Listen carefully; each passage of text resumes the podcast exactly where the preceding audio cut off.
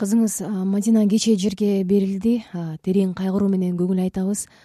Азыр сиздердин үй бүлөңүздөрдүн абалы кандай мадина кызымды кечээ жерге бердим аялым менен кичине кызым бишкекте. Больницада мен иште элем. Олор интернационалда болгон оочуда. Оочуда үйдөн эшикке чыкса шибирдин башыда бир капкара болуп пакылдап атылып кулактарым бутуп калды дейт шаңылдап дейт.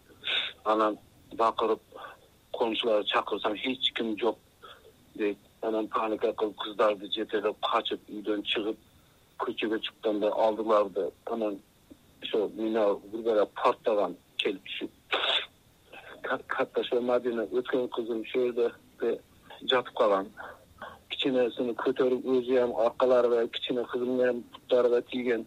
Олор качып неме кылып апасы коркуп кызды жоготуп койгон. Шок болуп калып.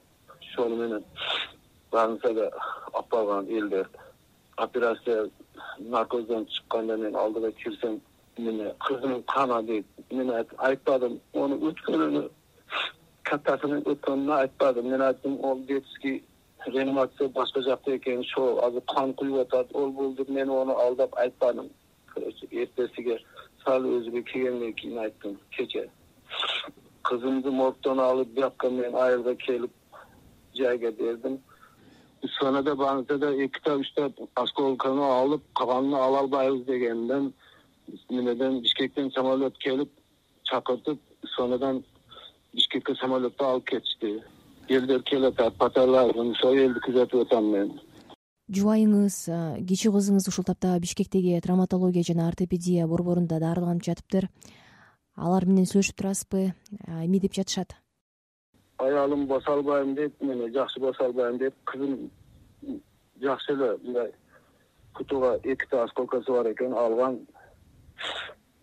Рентгенге салабыз деп атты эле билбейм негизи канча балаңыз бар? Мадина тууралуу да айтып бересизби?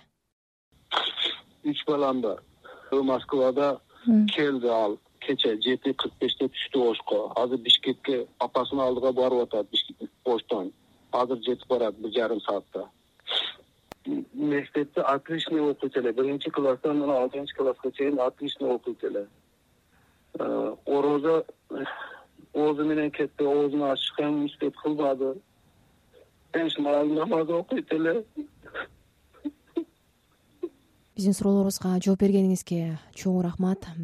Дагы бир жолу оор жоготууга учураганыңыз үчүн э, терең кайгыруу менен көңүл айтабыз. Аман болуңуздар